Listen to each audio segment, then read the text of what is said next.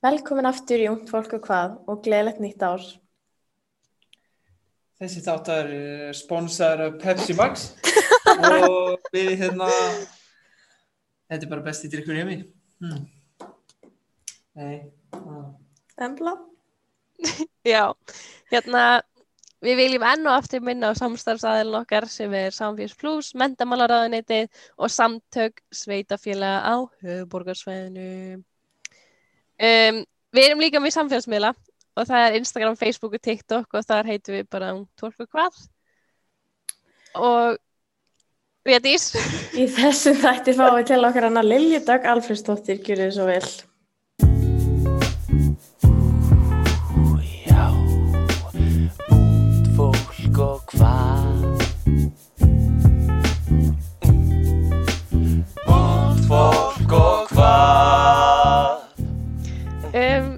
hæ, ég heiti Emda Líf og kemur ungmennahúsinu Mósin í Mósilsbæ og ég er í Borgalskóla. Ég er 19 ára og já, það var ekkert meira. Ég heiti Véti Sýr og ég kemur kvításinu á Akanesi og er í FFA og ég er 19 ára. Já, og ég heiti Guðjón Snær og ég er tvítur og, og hérna, er nefnum við Háskóli Íslands að læra tómstund á félagsmálfræði. Og Já. ég kem líka frá ungmennhúsinu Kvításið frá Akranesi. Hmm. Já, s- og sæl og blessu, Lilja Dögg Alfredsdóttir heiti ég og er menta og menningamálar á þeirra. sæl. Takk fyrir að vera með okkur hérna. Um, við ætlum kannski að byrja bara á svolítið svona uh, spurningu bara hvaða grunns framhaldsskóla og háskóla, ef þú varst í háskóla, varst þú í? Já, hérna, ég var í fellaskóla alla, alla mína tíð frá því að ég man eftir fyrsta skóladeginu því ég var sex ára og, og labbaði inn í fellaskóla og var þar þar til að ég útskrifaðist og eftir fellaskóla þá fór ég í MR, mentaskólinn Reykjavík og var þar sem sagt í fjögur ár og mér fannst alveg frábært í báðum skólum, ég eh, elskaði að vera í fellaskóla, ég var með frábæra skólastjóra, frábærir kennarar, frábæri nefnendur og ég var uh, mjög virk í, í nefnendaráði, var formaður og gjald, eh, fyrst var ég gjaldkefni nefndafélagsins, svo var ég formaður í, í, hérna, í fellaskóla og mér þykir enn rosalega vægt um skólan minn og ég var það síðast í gær og ég, ég man eftir bara öllu hvar hérna, nefndafélagsherbyrgi var og bara hvernig allt var. Og, og ég er enn í mjög miklu sambandi við e, vinkonum mínu og vini úr fellaskóla. Og það sama má segja um, um MR, ég var í MR í, mitt í fjögur ár, uh, ég fór fornmáladelt og hérna svo því ég var búið með MR sem var líka mjög áhuga, áhugaverðu skóli og frábæri vinir líka og mjög gaman að læra þar, eh, frábæri kennarar, alveg bara fólk sem ég menn aldrei gleyma.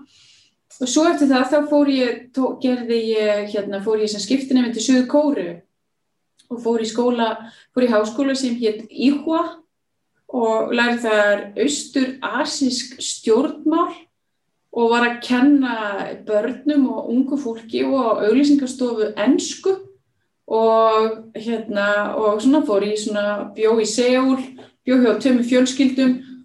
Og það var rosalega gaman, ég lærði alveg óbúslega mikið á þessu og svo því ég var búin að vera þar í eitt ár, þá fór, fór ég með bakpoka fyrir fyrir, já, 20 árum síðan, nei, 25 árum síðan, nei, það er meira, ég veit 20, já, það er meira en 25 árum síðan og þá fór ég að ferðaðist um allt Kína með bakpoka og ég get sagt ykkur að þá voru engin farsímar, uh, tölvupósturinn var nýbyrjar, þakka ykkur fyrir. Já. Fóreldra mínir voru, ég heyrði fyrst í þeim í, eh, áður en ég fór frá Suðu Kóru og svo heyrði ég bara næst í mig, sko, því ég búin að ferðast um allt Kína í mánuðu eitthvað álíka þegar ég var í Hong Kong. Vá, Aðeins breytti tímar. Og það voru bara brefaskipti, takk fyrir. Og eftir Suðu Kóru og Íhua þá fór ég í Háskóli Íslands, fór í, í stjórnmálafræði og, og tók líka sagfræði og hagfræði, þjóðhagfræði og svo gerði ég stuttlja og fór að kenna í Hagaskóla, hálfu önn var aflýsingakennari og mér varst það frábært, það var æðislegt og svo sótti ég um að fara, nei já, ég glemði því að þegar ég var í háskóla og það var mjög gaman. Og já, svo fór ég í skiptinám til, uh, fór að styrk til University of Minnesota í Bandaríkjónum og var þar, tók einmitt uh, mikla, tók hagfræði og stjórnmálaheimsbyggi og svo eftir það þá fór ég í framhalsnám í, hérna, í Columbia University New York og fekk styrk til þess að fara þangað í uh, hagfræði, alþjóðhagfræði. Vá, Yes. þetta er aldrei Og daginn. Það var rosalega gaman. Bara, get- að- já, alveg bara þvílíkt. Ég mæli með þessu bara, sko, ég mæli með því allan daginn að fara í eitthvað sem þið hafið brennandi áhuga á og, hérna, og eitthvað sem skemmtilegt. Það voru, mar voru margir að þessu að vera að ferða svona mikið á þessum tíma.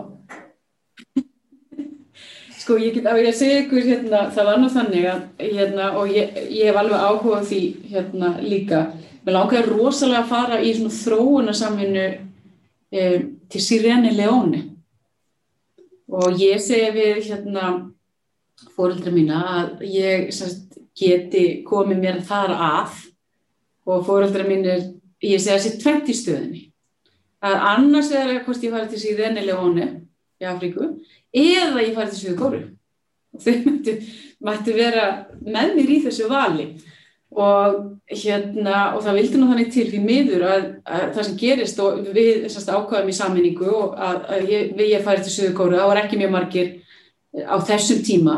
En þetta var svolítið svona að byrja, margir voru tóku sér smá, smá hérna svona pásu frá náminu og fóru í skiptina með eitthvað svo leiðis og ég meina þetta hafði rosalega jákvæð góð áhrif á mig, ég kynnti skóriðanskri menning og mér þykir sko náttúrulega uppáhalds eða sko það, ég náttúrulega elska Ísland og allt sem er hér en annar ríki sem ég dyrka á dái er Suður Kórea og, og þarna var sko K-popi fyrst að koma.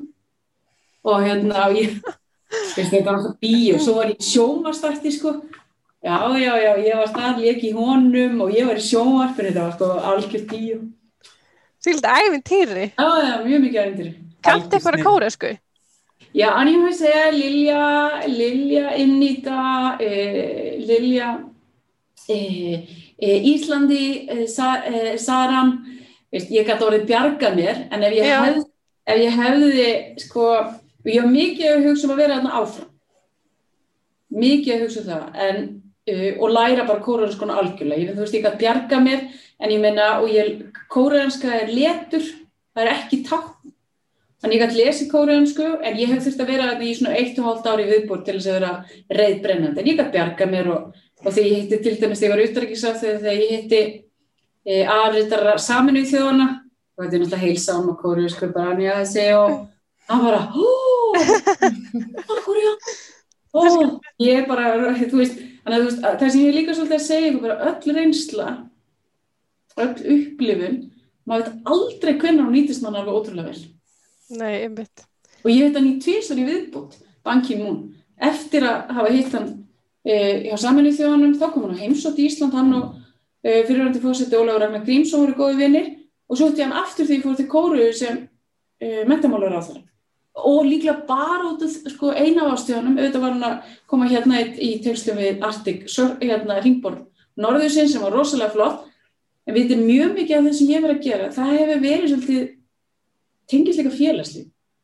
Þetta er bara, þú veist maður verður mjög skipulegur sem þið þekkið í ykkar starfi að vera skipulega bara eins og, þú veist, þeirra skipulega geta viðtal, þú veist, það þarf að setja niður spurningarnar gera þetta allt. Og þetta er, þetta er eitt af dýrmætasta sem veist, ég, ég hugsa alltaf um það því er að við erum að spá hvað fólk hefur að gera og svo.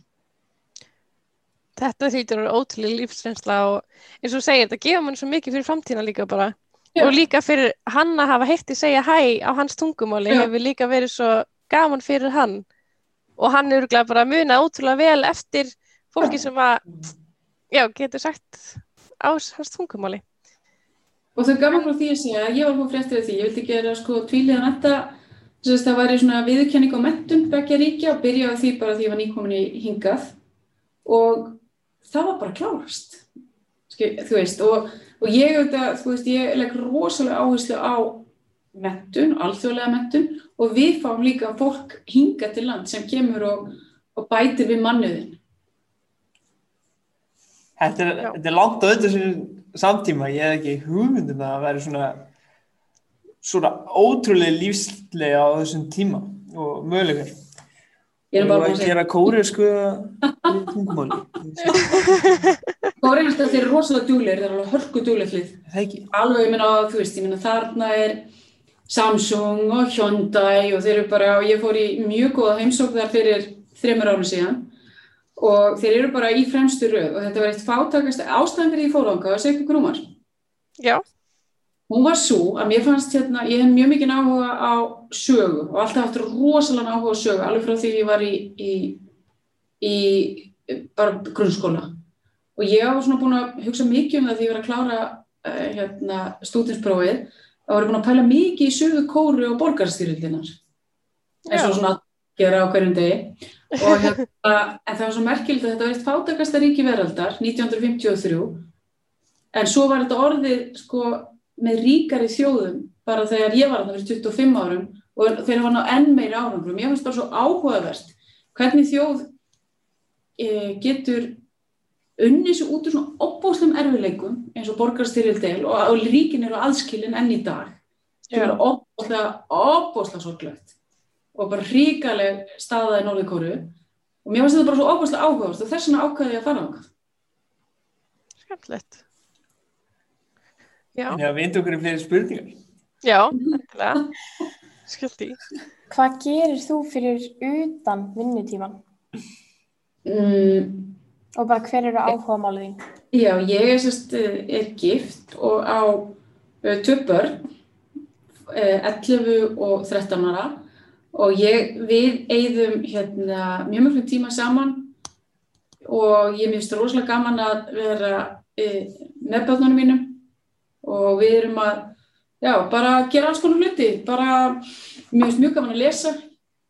Mér- og hérna er, er duglega að lesa en bara allt sem er skemmtilegt. Ég hef alltaf lagt áherslu á það með þess að ég var að, að lesa fyrir hérna börnin þegar þau voru lítil þá sagði ég við að ég leist bara það sem okkur finnst skemmtilegt sko en þá báðum og já þannig að ég er uh, svo náttúrulega á ég frábæra vini og fjölskyldum og, hérna þannig að ég reyni að eyða eins miklum tíma með bara svona, já, bara góðu fólki. Ég bara legg mikla áherslu á það að, já, svona svolítið bara svona hver dagur sé, þetta ljómar svolítið svona, bara hann er frábær, ég reyni að nýta hann eins og ég get, en ég reyni líka samt alltaf að, þú veist, ég reyni að uh, temja, hérna, segja börnunum mínum líka að það er rosalega mikilvægt að leggja, uh, að vera dugli í skóla, þú veist, að vera, vanda sig fyrir próf og gera það fyrir sjálfan sig.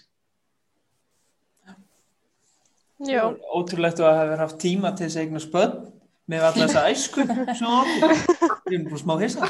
En það er það skemmtilegast sem gerir. Ég, veit að, ég, ætla, ég er ekki að fara að vera að fara eitthvað yfir það, en það, það hefur mér myndist vera bara, og ég bara hef ekki trúið hvað mér finnst það alveg æðislegt, sko. Þetta er náttúrulega, já, er ég í upptöku, já. það er bara, sko, ég get sagt ykkur það, já. Já. Hmm. já. En varstu í ykkur um fleiri félagsstörfum fyrir utan skóla? Ég, ég var á, í íþróttum, ég var í fimmleikum og ég var í frjálsum íþróttum og hérna, og ég var á bólakafa náttúrulega í nefndaráðinu og þar voru við einmitt í samstarfi við það félagsmyndstunum sem var fellihellir á sínum tíma. Og þar voru bara líka, ég er bara í gegnum hérna í, í gegnum minn svona uh, bara lífslaup þá hef ég verið mjög heppið með fólk, þar voru til dæmis í félagsmyndstöðinni bara frábæri starfsmenn, ég bara nefni til dæmis eins og Sjón, rítöfundurinn og, og konar sem heitir Margrét Sverrisdóttir og Steinun og, og bara, þú veist, einhvern veginn rosalega gott fólk sem einmitt var að hvetja til akkurat þess sem þið eru að gera, voru svona frumkvöðlar í því og það er sko fyrir sko nokkrum áratugum, svo lögðu svona miklu áherslu á, á félagsstarf og ég get líka sagt ykkur eitt sem er mjög mótandi áhrif á mig og ég þannig að heyra í honum, við böðum hérna í mati og nýjárin eh, mentamálar á þeirra skólastjórn í mínu skóla hét, eh, og heitir maður sem heitir Örlegu Ríkter og hann laði svo miklu áherslu á félagstar og, og veitti okkur svo miklu ábyrð strax. Þannig að maður tók þessu, veist, ég tók þessu rosalega alvarlega en það var mjög gaman. Og þess vegna veist, finnst mér þú veist, líkil atrið í því sem við erum að gera er þáttaka ungs fólks. Og ég get sagt ykkur í, í öllu þessu COVID-i að þá er ég búin að funda vikulega með sambandi íslenskra framhalskólanema og sambandi íslenskra stúdenta. Til þess að átta mig á því bara hvað er að gerast, hvernig horfa, sko horfið þið á námið, hvernig er COVID að koma við ykkur, af því að þú veist það er bara, það er öðruvísi að mæta hér á hverjum degi og passa allar sóttarnir en svo allt í hún að fara í fjárnám, geta svo komið í skólan og það hefur hjálpað mjög, mjög, mjög mikið að vera í góðu samstarfi við eh, nefndur. Þarna, eitt stíð fyrir félagslífið sko. Félagslífið er mjög mikilvægt. Það er bara, það er allt í rauninni, það er 80%. Ég, Mm. Já, en hérna, svolítið stór spurning kannski, en hvernig fórstu að því að verða menntamálar ráð þeirra? Varstu mikið í pólitík sem ungmenni eða þú fórst náttúrulega í námi í, í stjórnmálafræði? Já, ég var ekki, ég get sagt ykkur að ég var mjög mikið í félagsstörfum og ég var líka í félagsstörfum í, í MR, ég var í framtíðinni sem var mælsku, hérna, var mælskufélagið, eh, málfundafélagið vildi ég sagt hafa og eignast mjög góða vinni þar og var þar í stjórn. Eh, svo var ég ekki í nei- neinni stúdendapolítika en einu slíku því ég var í háskóla, ég eh, laði mjög mikla áherslu á hérna Uh, ég var mjög mikið í, í námunu að því mér langaði til þess að fá styrk til þess að fara út en ég hefði öruglega líka geta veist þannig að ég, ég hveti ykkur endalust áfram í, í hérna félagsstörfum og allir sjálfbúa vinnu þannig að ég var ekki í þar. Svo eftir ég kláraði uh, eftir ég kláraði uh, Kolumbia reyði minn í Sælabanka, Sælabanka Íslands og var þar í sáum málefni uh, sem tengist alþjóð gjaldur í sjónum og Norðurlandasamvinnu og samvinnu við Eistarsalsríkin og mér fannst það var, frábært að vinna í Salomon. Það var bara, ég var þar uh, alveg þá til ég fór, svo fór ég að vinna fyrir allþjóða gjaldur í sjóðin í þrjú ár þegar einmitt börni voru lítil. Þannig ég var með krakkana litla út í, í, í, í Washington uh, DC og, hérna, og var mjög, hérna, það gekk rosalega vel hjá okkur fjölskyldur í þar að vera með lítil börn í bandaríkjónum en ég, nei, ég var ekki neinu stjórnmál og óskaði e, þárandi fórsættisáþurra Sigmundur Davíð Gullarsson um að ég myndi koma á aðstofan við verkefni þegar hann var fórsættisáþurra og þannig fer ég að taka þátt í svona sem e, ráðgjafi í stjórnmálum og svo var óskað eftir því að ég myndi taka við sem utrækisáþurra Uh, og, hérna, og ég gerði það. Og ég get sagt ykkur að ég hérna, uh, mér hefur fundist þetta óbúðslega gefandi, uh, gaman. Og þetta minnir mér mjög mikið á það þegar maður formaði nefnda ráðsfallaskóla að vera í stjórnmálum. Og þetta er sangallega svona, hreyfi aflins og því bara þekkið. Veist, þetta, er, þetta er nákvæmlega sama ég meðan því er að leggja ykkur alveg 100% fram fyrir ykkar, þú veist, fyrir þá sem hafa fengið ykkur í þetta og það er bara alveg sem mér. En ég lagði engin svona, ég ætlaði mér ekkit enn til að fara í stjórnmál. Og mér fannst mjög gaman að vinna í Sælabankunum og ég í mentamálurandinu og Sælabankin hann er bara hinn með við göttuna og mér okkur átt að kíkja á hann. En var þetta einhver svona ákvörður sem þú tókst bara að sækja mér mentamála, að verða mentamálar á hæra eða var þetta, var einhver að hvetja áfram að að fara út í það? Ég, það, það er þannig að þú veist að við, það, það voru kostninga 2016 og 2017 og við e, framsóknarflokkurinn e, og ég þingmaður Reykjavíkinga, Reykjavík Suður fyrir framsóknarflokkin og framsóknarflokkurinn e, tekur auðvitað og situr í þessar ríkistjórn og ég hafði mjög mikinn áhuga á menta e, málunum menningamálunum, æskulisstarfi, íþróttum, þannig að jú, ég hafði mjög mikið áhuga því að fara í þetta ráðaniti af öllu því sem er í, í stjórnaráðinu, þá fannst mér þetta mjög áhugaverst og, og það hver einn og einasti dagur sem uh, hefur liðið hér hefur verið mjög áhugaverður. Já, kannski ánum fyrir mútið í næstu spurningar, kannski spyrja bara hvað um, svona felst í að vera menta og menningamálar á þeirra. Það er svona, sundu þegar ég heyri þá hugsa ég svo mikið bara um mentamálin, en er ekki alveg meira en það? Það sem, það sem er að þeir málaflokkar sem uh, falla undir menta og menningamálaráðanitið eru þetta mentun uh, bara fyrir allt landið en við sagt stjórnin á leik og grunnskóla er þó hjá sveitafjölugunum en við höfum eftirslutverk, svo erum við með framhaldsskólan og háskólan og símentun svo erum við alla menninguna, alla sviðslistir, tónlist, kvikmyndir, uh, hérna, myndlist, bara alla listir, alla skapandi, flesta skapandi greinar. Svo erum við með íþróttir, við erum með æskulístör, við erum með allt vísindastar, við erum með rannsóknar og þróun. Þannig að þetta er mjög svona umfangsmikið. Já, og ég er örgulega, hérna, veist, en þetta er allt og svona, ég segi þetta sé framtíðaráðanitið, af því að hér ræðist framtíðin, af því að mentun er mesta hreyfiðablið og það er mjög mikilvægt að fólk e, sækir sér mentun sem það hefur áhuga á og þá hvetur til virkni í samfélaginu og þetta er rosalega mikilvægt að það sé mjög opið aðgengja mentun. Allir geti farið í nám sem þeir hafa áhuga á og við og samfélagi bjóðu upp á það. Er þú þarft að veist, uh, langar að sækja eitthvað nám og þú hafið tækifæri til þess. Og þess vegna fór ég þessar mikla kerfisbreytingar á, á mentasjónum og til dæmis eitt sem ég gerði sem ég er rosalega stolt að er að um, hér áður fyrr þá þurftur fólk sem átti börn í námi það þurfti að taka lán, nú veitum við styrki og við erum svona að reyna að styðja við þetta samfélag. Já, hérna, okkur langar nú aðeins að spyrja þetta ungmennhús, það sem við komum nú fyrir hönd skikra starfsemi. Og hérna, svona fyrsta spurning, sko, hérna, þú veist, hvað er að fyrsta sem þið dettur í hug þegar við segjum orðið ungmennhús?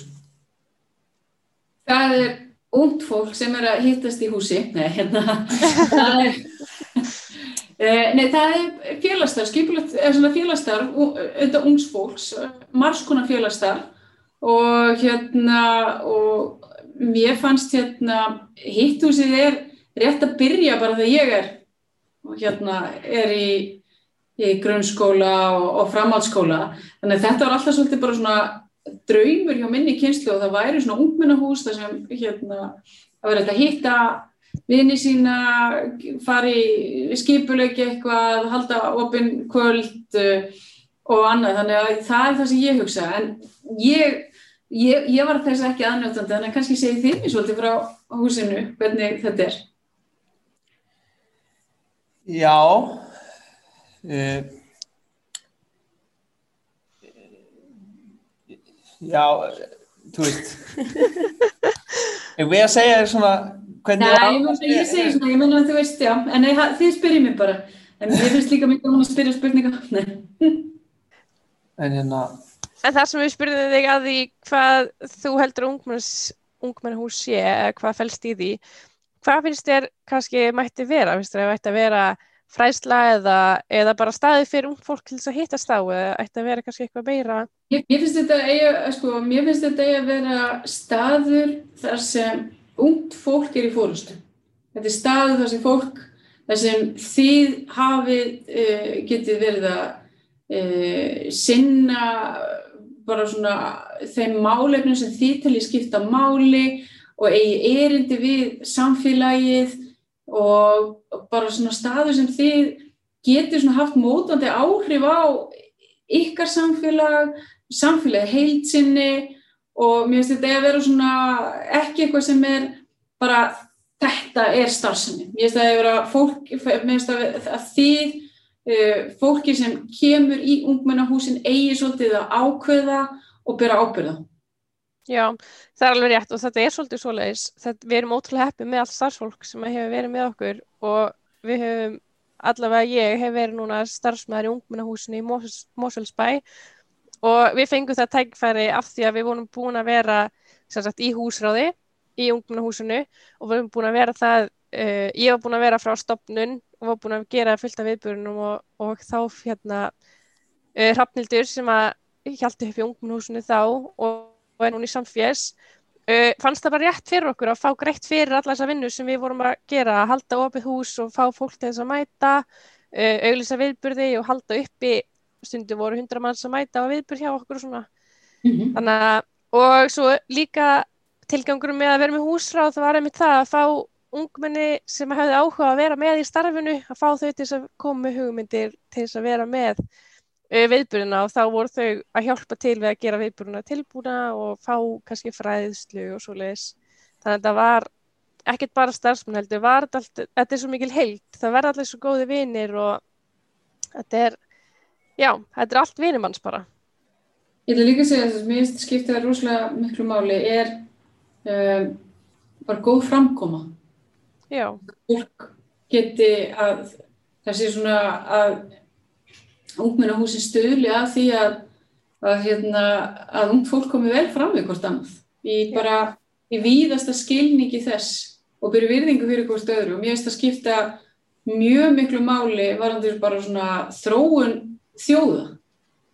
já, hvort að samfélagum séu það sé tekið tillit til hvers annars, að við byrjum virðingu og svona, þannig að ég er svona, ég er, mjög, ég er rosalega litt uh, öflugu félagsstarfi og ég get sagt ykkur það að reynslan sem þið eru að fá til dæmis í eh, ungmennahúsun ykkar og þáttak í öllu félagsstarfi, þið munu bera ávinninga því og að njóta þessum alla æfi og ég get ekki lagt nógu miklu áherslu á, á þetta og ég get sagt ykkur það bara til dæmis svo ábyrg sem ég fikk bara strax í nefndafélagi þegar ég var sko 15 ára og það hefur skilað sér bara margfald. Já, ég get nefnilega alveg trúa því að maður fær svo mikil tækifæri út frá þessu öllu. Bara Já. það að hafa verið í ungmennhúsinu, fengum við tækifæri Mm. að fyrir ungmennar að Já. ungmennahús samfélags og svo í þetta. En það er alltaf svona, það er alltaf einhver bolti sem rúlar Mm. hvaðan sem við komum.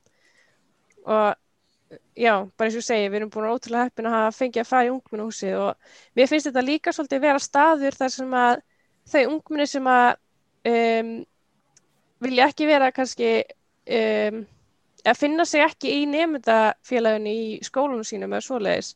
Þau stundum leita til ungmennahúsina í staðinn og þetta er svona uh, þá er það svolítið staður fyrir þá sem að finna sig ekki annar staðar eða vilja finna einhver aðra vini sem er ekki í skólanum og svona. Þetta er, rosa opinn staður finnst mér. Já, mér finnst það skipta, þetta skiptir öllum alveg, all, sko, allir geta fundið sig einhver staðar Já, og það er bara, ég er aldrei í nokkurnu vafa um það. já, Já, við myndum þessa starfsemi líka til svona mikils hérna á Akarnasi, svona punkturinn hér hefur svona aðeins verið að þetta sé sjálfsbrottin starfsemi með starfsmenn sem eru náttúrulega bara fyrst og fremst sérfræðingar í, í mannlegum samskiptum til aðstofar og, og svona, við erum bara tækifæri fyrir ungmenni frá allir 16 til 25 ára að skapa og vera og halda í, í, í æskuna en Mm. er náttúrulega svolítið, ef við gengjum í illa eins og við, við höfum verið að start, við höfum verið svolítið lengi hér, ungmennús í borgarnis hefur komið og farið og fleiri ungmennús á landinu og svona, núna er svona ekki verið að reyna að koma þessu upp á stampin og Mhm. eins og ég hef heyrt að þú metur mikilvæg ungmennús til mikils og þú veist, ert þú ekki sammála, er þetta ekki eitthvað sem mætti að svona rækta, þetta er svona svolítið nútímalegt, þetta er svona Jú. nútímasamfélagslegt Við, við höfum verið miklu uh, samstarfi við samfélags og hérna Viktor sem starfar þar og fleiri. Mm. Þetta er rosalega uh, flott fólk, Það er power í þessu. mjög mikið power og, og svona með svona bara svona ákveðum svona gildi á hreinu sem, sem tengist uh, aukinni vellíðan, hamingju og hérna og þetta svona, það er líka rosalega mikilvægt að að vera með félagskap sem svona hefur það að leiðaljós að láta gott að sér leiða já, og þú veist, þetta er alveg, veist, það er, það er mjög mikil svona, svona, hvað getur maður sagt, ég er bara svona heimsbyggja á bakvið þetta. já, Jákvæð, sko. já, um mitt. Kanski svona aðeins meira inn í aftur þegar þú varst í grunnskóla og framhaldsskóla. Um, var mikil kinnfræðsla þegar þú varst í grunn- og framhaldsskóla?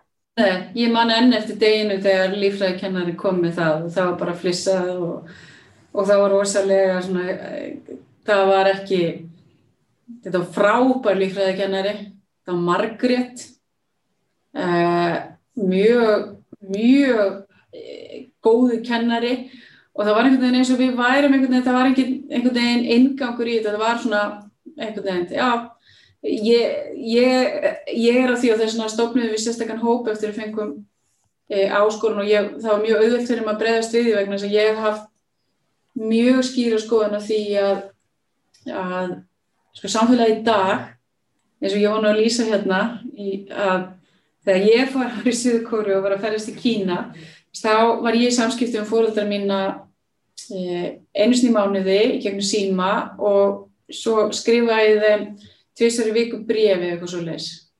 Þannig voru samskiptin. Samskiptin í dag er bara allt, allt önnur og all, allt aðgengi að upplýsingum og öllu sem tengist kynlífi, tengist samskiptum, þetta bara allt annað.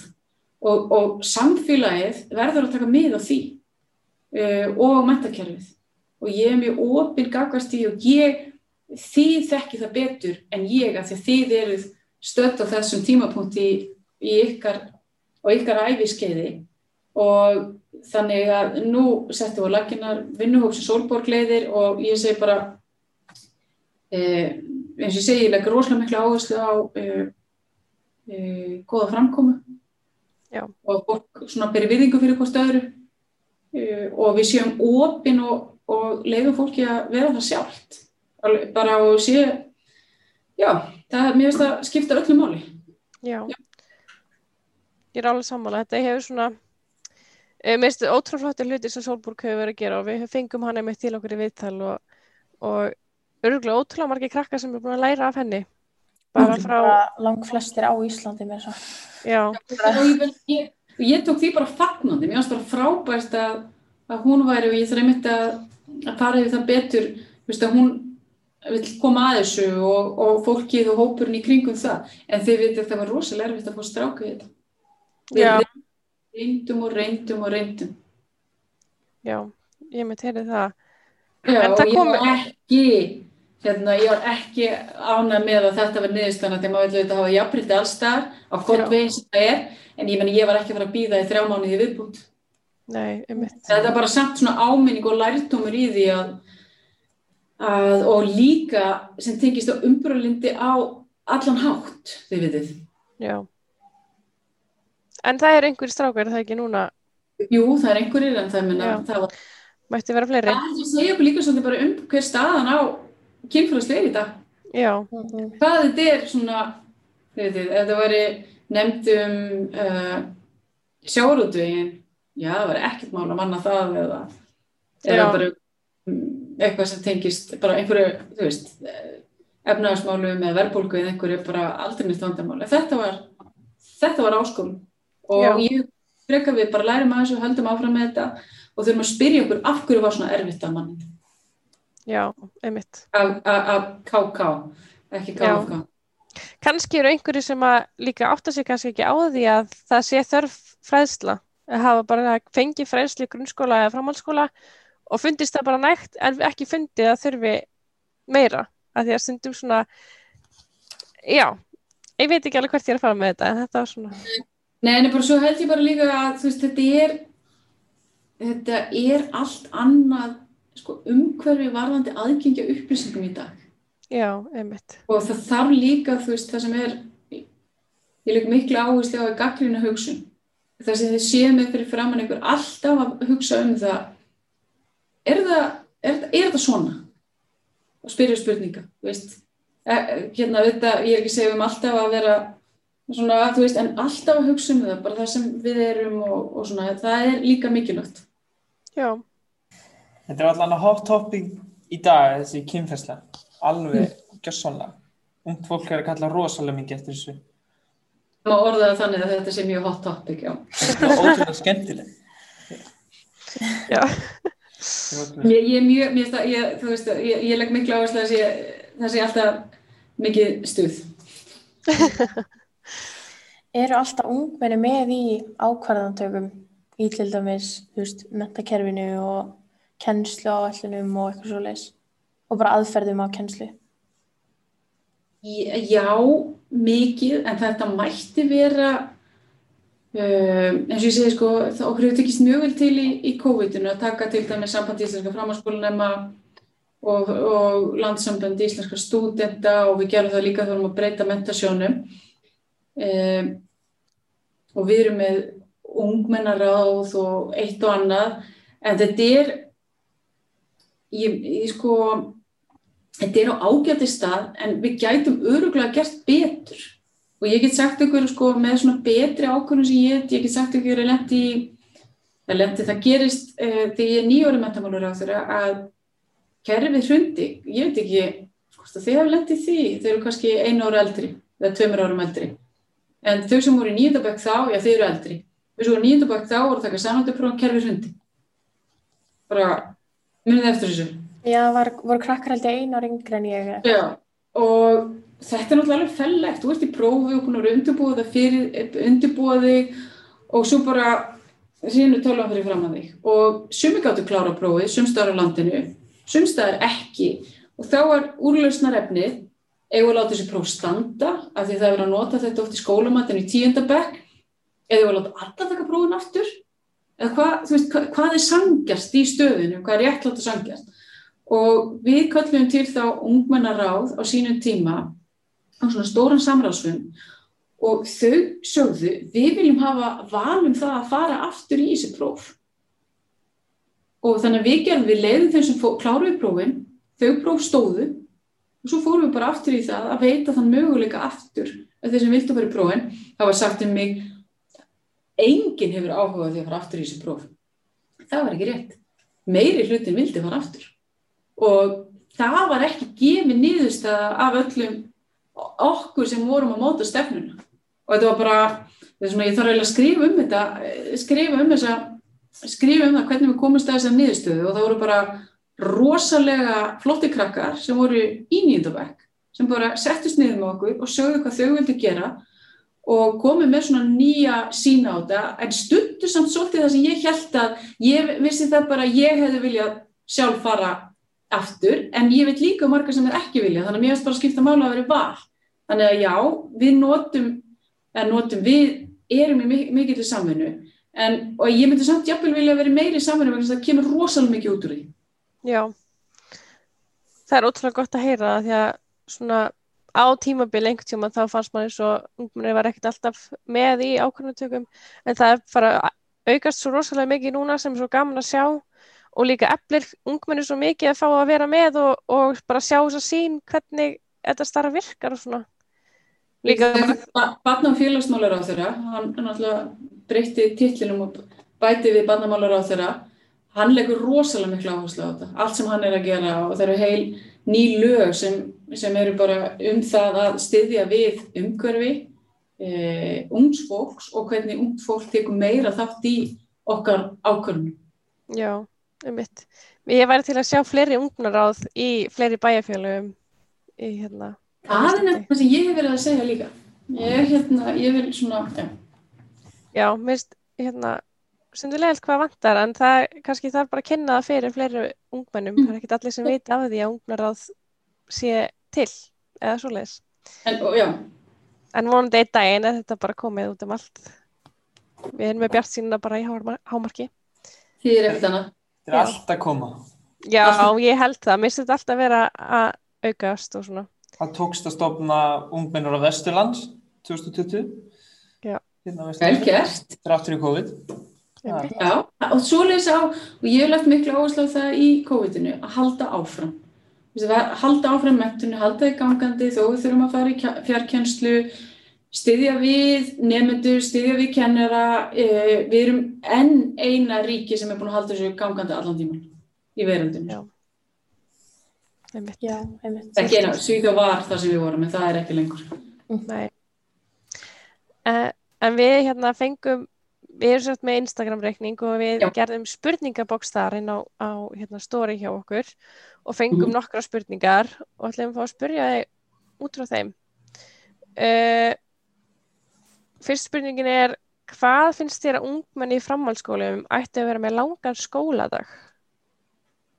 Mér hefur fundist að vera býsna langur og, og framháskólan nema verið að vinna stund, stundir svolítið mikið, allavega í samanburði við önnur ríki og það eru svona kannanir sem benda til þess.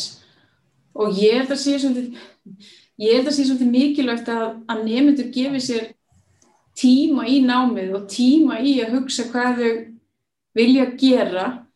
En að samanskapi er ég rosalega ánað með íslenskt ungt fólk að því það er rosalega duglegt, það er alveg alltaf að veist, vinna í, veist, vinna náminu sínu, er, er í íþróttum og listum og í ungmennahúsum, ungmennaráðum.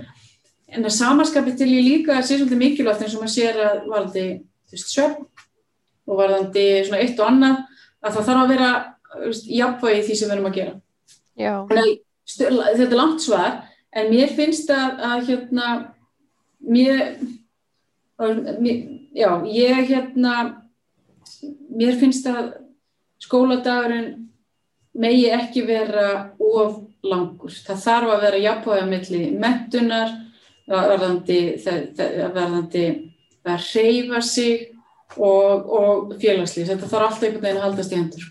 já, ég er alveg saman og nú eru ungmenni svo mikið í uh, félagsstörfum og íþrótt og svo eru því vinnu og svo skóla og, og svo fjölskyldan og vinir og það er einhvern veginn nærmar að- vera með alla þessa bolta í gangi en, en við erum heldur svolítið skipulöð bara Já, og eins og þú segir, við erum frekar dugleg Mhm. en finnst þér þá að kannski bara uh, þrjú ári í menntaskóla er það þá nóg? Ætti þetta að vera Þetta fjögur? voru breytingar, þetta voru breytingar sem voru gerðar uh, fyrir mína tíð og nú bara vinnum við, vinnum við bara með þær.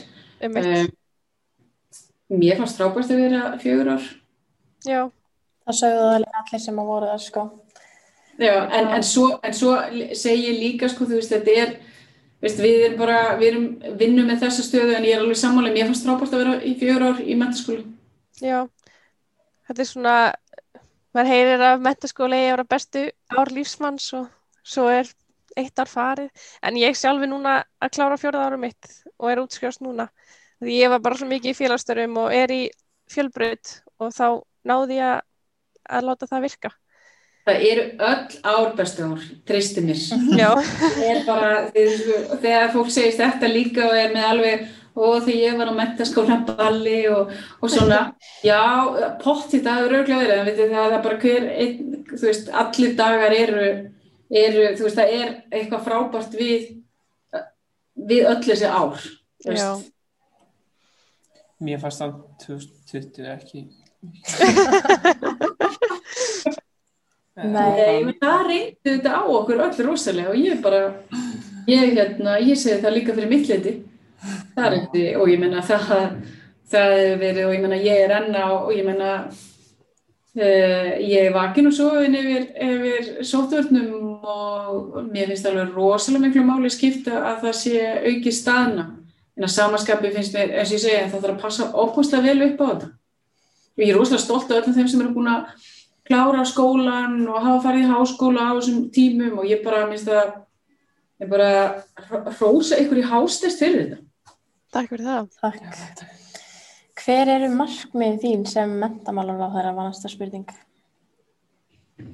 Að íslenska mentakerfi sé framhúsgarandi á öllum sviðum og við höfum alla burði til þess og hér er mikill mannauður, við höfum verið að fjárfesta í mentun og menningu eh, mjög, eh, mjög mikið á síðustu árum og við þessast vorum að klára nýja mentastefnu til ásins 2030 og ég hef mjög mikinn uh, sko, mentun er stæðsta hreyfi af 2001. aldarinnar og við verðum í fremsturöð. Er ekki öll þessi mentastegi jafn mikilvæg? Er þetta, er það ekki? Alveg stræk, jú. Leikun, framhaldsa háskóli, símentun, uh, sveinspróf, stúdinspróf, öll þessi mentun skiptir rosalega miklu máli. En, en líkilatrið er alltaf að velja út frá hjartan og þessum áhuga sviðir. Ég menna, þú veist, ég var að lesa, þegar ég var í MR var ég að lesa latínu og ég bjóst nú ekki við því að ég fari að lesa aftur um gallastriði, sko. og um, hérna, um, agrikóla og, og, og takitíus og eitthvað svona. Nei, nei, haldi ég bara ég hef ekki verið að draga þessar bækur aftur upp. Hver hefði þú? Já, Það var rosalega, já, og mér finnst að það, veist, það að ég hafi verið að læra þetta á sínum tíma, mm, mér finnst það bara, þú veist, það, það var bara, bara ótrúlega hvað þetta svona, e, bara er með mann einhvern veginn. já. Það er ótrúlega skemmtilegt að ég var með að það voru þrýr kennarar að kenna mér á fyrsta ári sem voru allir að kenna mömmu mín og pappa í mentaskóla. Já, Já, það var mjög skemmtilegt. það er ekkert að vera eitthvað mikið að spyrja þau út í það, nei. Nei, þetta var, já, einn var að kenna pappa í grunnskóla og einn var að kenna mömmu og þetta var, þetta var mjög skemmtilegt að geta spurti og þau myndi líka bara eftir þeim og, Það er æðislega og kennarar, veist, þetta er, kennarar eru kraftaverkafólk. Kennarar skipta óbóðslega miklu máli um það að, að velferð samfélaga sé í, í góðu lagi. já. Ég er um þetta að vinna á leikskóla Rosalega, mér langar rosalega að, að kenna í daginn. já, Aftur, varst ekki að kenna í Alltaf. hálft ár? Jú, ég myndi, ke- jú, það bara, og ég lærði rosalega mikið af því. já, Svo er líka önnu mentun, svona tómstundamenntun, ekki voru mjög, mjög hérna, svona opinber eða svona eins og hún er í dag. Fundamentunni sem þú ert í það nám, Já. Uh, ég hérna, að því ég var í hérna, félagsmiðstöðunum mikið og við vorum oft með svona ævintýra námskeið fyrir ungt fólk og ég var að vinna á þeim, uh, vinna við það því ég var yngri og vitið að mér fannst það bara æðislegt. Og allt sem er, og ég, minn draumur líka svolítið sem mentamálar á þeirra, það er auk að samþett, að, sa- að það sem meiri svona, að við séum með tómstundir og uh, íþróttir og listir meira inn í stundaskráni, þannig að dagurinn sé svolítið stundum er þetta bara ó- svo óbúslega langur dagur og langur dagur fyrir alla fjölskyldur, ég menna stundum er strákurinn minna að klára æfingar um, um áttaleiti það er bara orðið bísna sent þegar þú ert ekki eldri. Já, að þú veist, og tengsl auðvitað, hérna, við fjölskyldu er óbúslega mikilvæg já. Um, svo er önnur spurning frá Instagram sem er hvernig ætlað þú að reyna að minka einelti í skólum?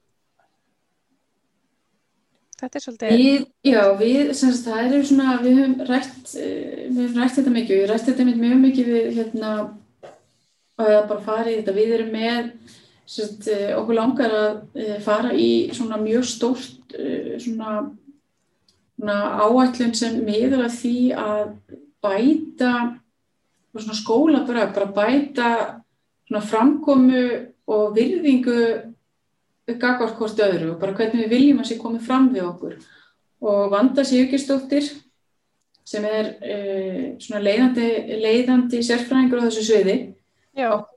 Við höfum verið að ráðfæra okkur við hana og ég, uh, ég myndi sko svo mikið gert að vilja geta hringt þessu á stað og þá er þetta svona nokkra ára uh, prógram sem gengur út á það að, að bæta í raun og veru bara svona e, já, bara framkomu í skólakerfinu gagvart, eða svona nefnda gagvart e, ne, eða sem sagt, hvernig nefndu koma fram við hvort annan, eða hvort annan einstaklingar.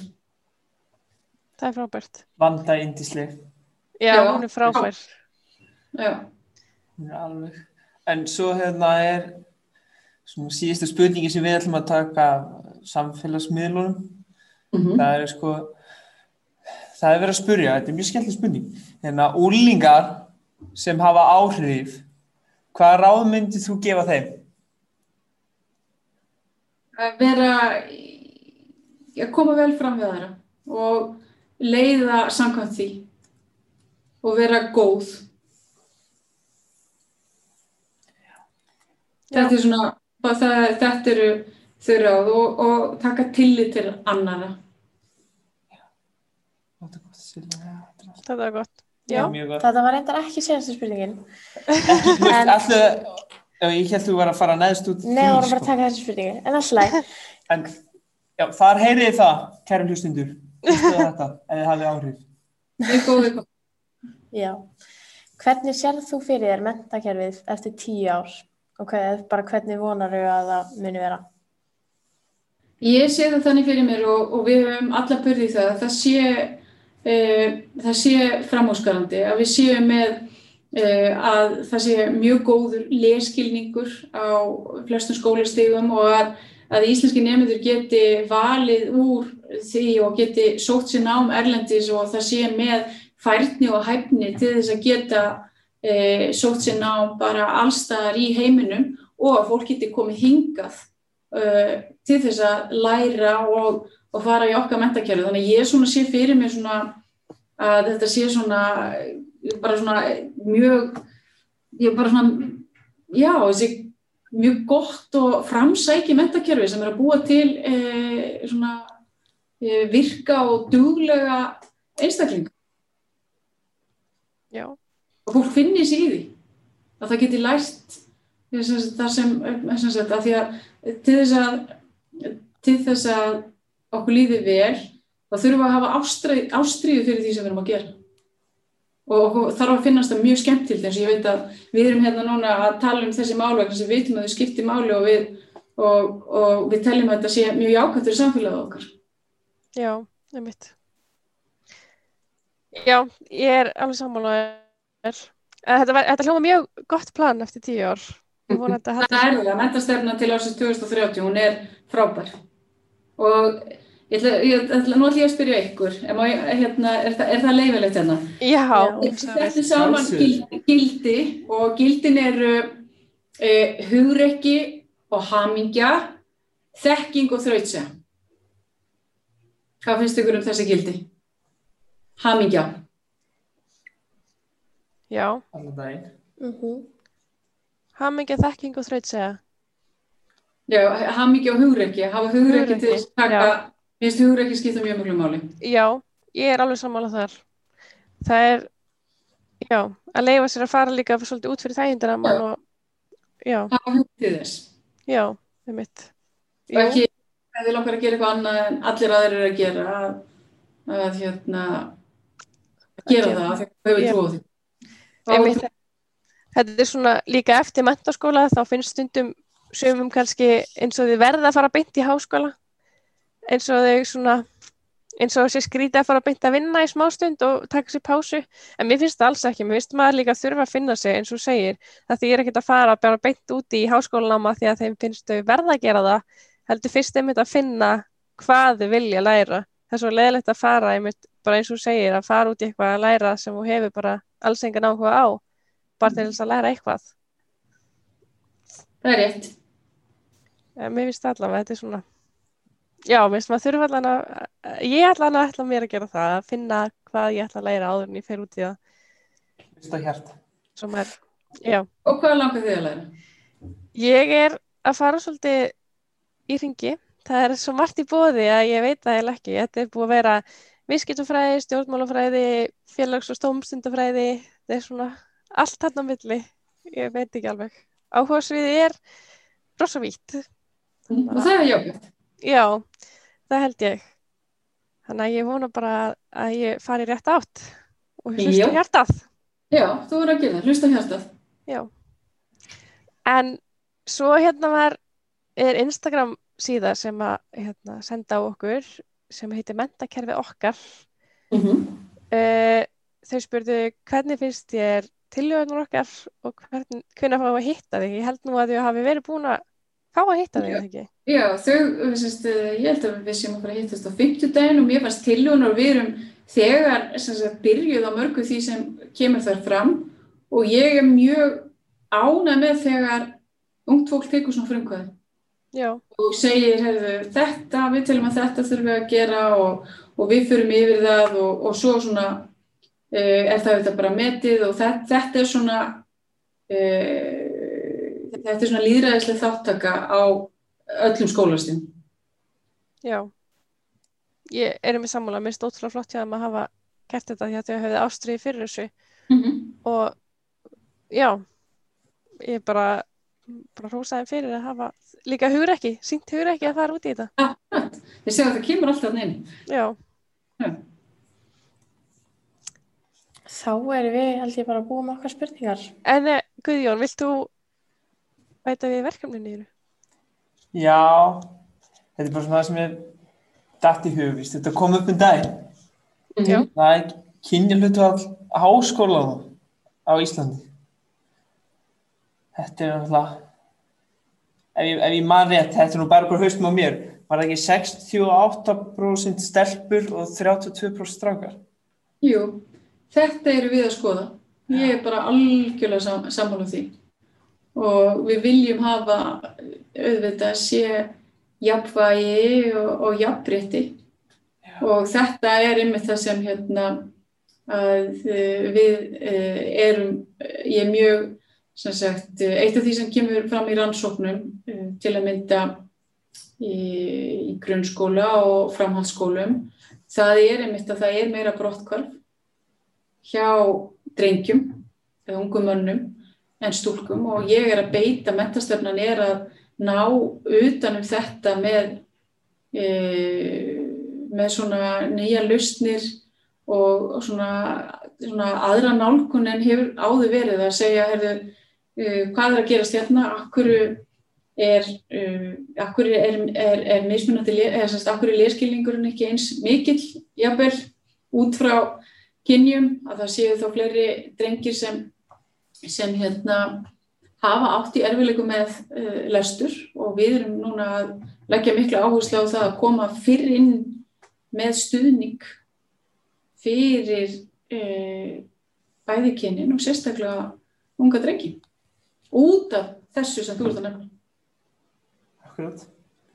Það eru búin að vera mjög margar og skemmtilega kenningar um þetta, að þetta er klárlega erfitt að leysa kenningar? Já, þú segir mér þrjár. Kenningar? Já, hvaða kenningar eru uppi um með drengina á háskólan? Það var að þetta myndi rekast allalegina til lestur ungra stráka, Lestur, akkurat. að, að þá, veist, er þetta strákarnir bara sjálfur, er þetta bækurnar sem strákarnir Mm vera, þú veist, stuðlaðir ekki að þeim? Mér finnst það svona besta, ég var ekki rektor í HR sem kom með þetta, ég held það, svona framfæri. Er ekki svo margir sem líka klára eins og bara eins og nú er í borgvaldskóla uh, bílanámi og svoleiðis og þau fara svo bara bynt út af vinnumarkaðin. Er það ekki líka svo meir hluti þar sem kannski ég, held að, ég held að þetta sé bara, þetta er ákveðin þróun sem er búin að vera eiga sér stað og við þurfum bara að tryggja það að, að mentakerfi okkar nái um, utan um alla, þessi mentum fyrir alla.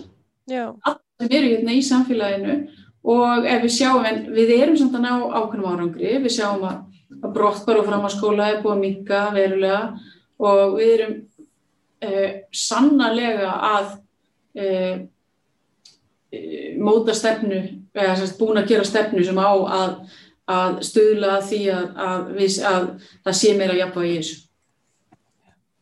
ok. Uh, já, svo var ég meina, er ég meina spurningu sem að hérna, mér langar svolítið að bæta inn í að það er alltaf góði. Uh, nú erum við öll í félagsstörfum og ég sjálf er ekki að æfa neina íþrótt beint, en eins og þegar ég er farið út í Erasmus-verkefni úr skólunum, þá er það meira að ég fæ ekki leifi heldur alltaf þeir sem eru í íþróttum að fara út með landsliðinu eða íþróttarstarfi. Þau fá leifi. Svo samt að við horfum á öðru sig, við fórum í sömu út, veist, Erasmusferð og ég fekk leifi í mínum skóla. Já. Veistu hvernig það virkar? Er það bara skólinn sem tekur það ákvörðun eða er þetta eitthvað svona? Ég til þetta skipta alveg rosalega miklu máli og ég man eftir því þegar ég var í félagsstarfi þá var e, tekið tillit til þess og mér finnst að ég að taka tillit til þess þegar við erum að gera svona þannig að ég er svona verið, ég er svona hlitt því í að, að hérna, það sé þessi jafnbræði í þessu varðandi e, það sem við erum að gera svona sem er kannski fyrir utan hefðbundi skólastarf en er klárlega eitthvað til þess að hérna, eins og Erasmus-verkefni og og taka þátt í svona skiptir óbærslega máli. Ég, ég, var, ég var í háskóla þó ég hef ekki verið í stúdendapólitíkin, þá voru ég fulli í svona verkefnum og það er ósalega skemmtilegt. Já. maður til þetta ótrúlega mikilvægt um mitt og þetta er eh, allavega eins og ég er líka í ungmarróði um FI og þar eru með ungt fólk og líðræði sem þú Mm. hefur nú komið á Já. nokkur sinnum uh, og þar er mitt eru ekkert allir nefndir sem fá leifi en það er farið að gefa ofta leifi núna er, sem er frábært Mhm. en það er svona, maður heyrir oftast að þeir sem er í landslið og er í íþróttum fái leifi fyrir Nei, menn þið, hérna, mér finnst þetta bara, mér finnst þetta mjög góð, mér finnst þetta mjög gott umræðum og mjög góð aðtjóðsend. Takk fyrir.